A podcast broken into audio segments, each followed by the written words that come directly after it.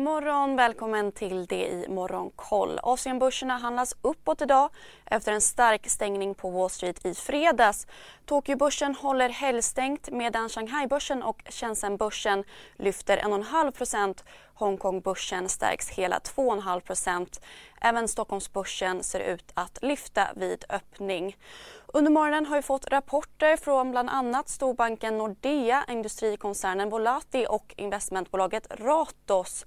Nordea rapporterar ett räntonetto i linje med förväntningarna. Rörelseresultatet på drygt 1,3 miljarder euro var högre än väntat. Så här lät det när vd Frank Wang Jensen kommenterade kvartalet.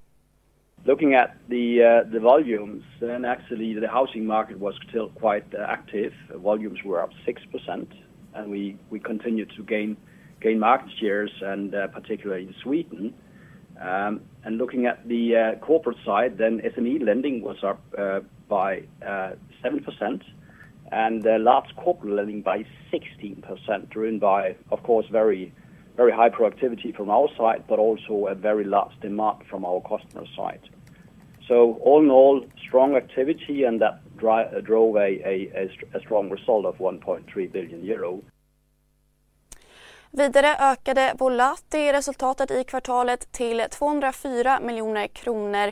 Även nettoomsättningen steg tydligt. Och Ratos ökade rörelseresultatet till 925 miljoner kronor.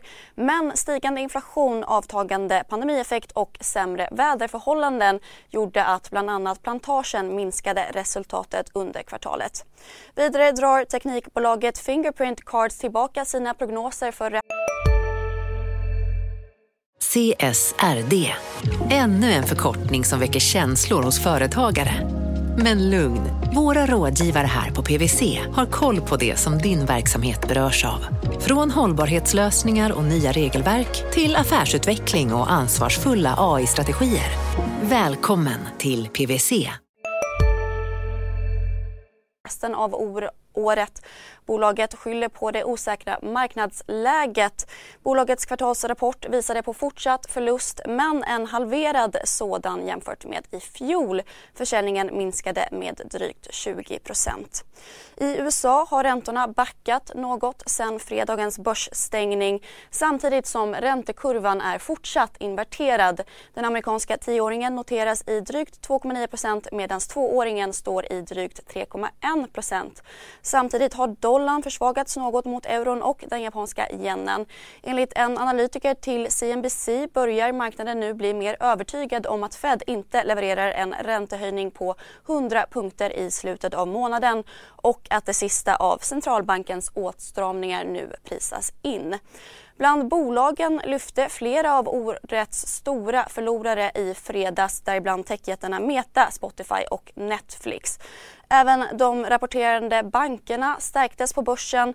Wells Fargos steg 6% trots att ha rapporterat ett lägre resultat och lägre intäkter än väntat.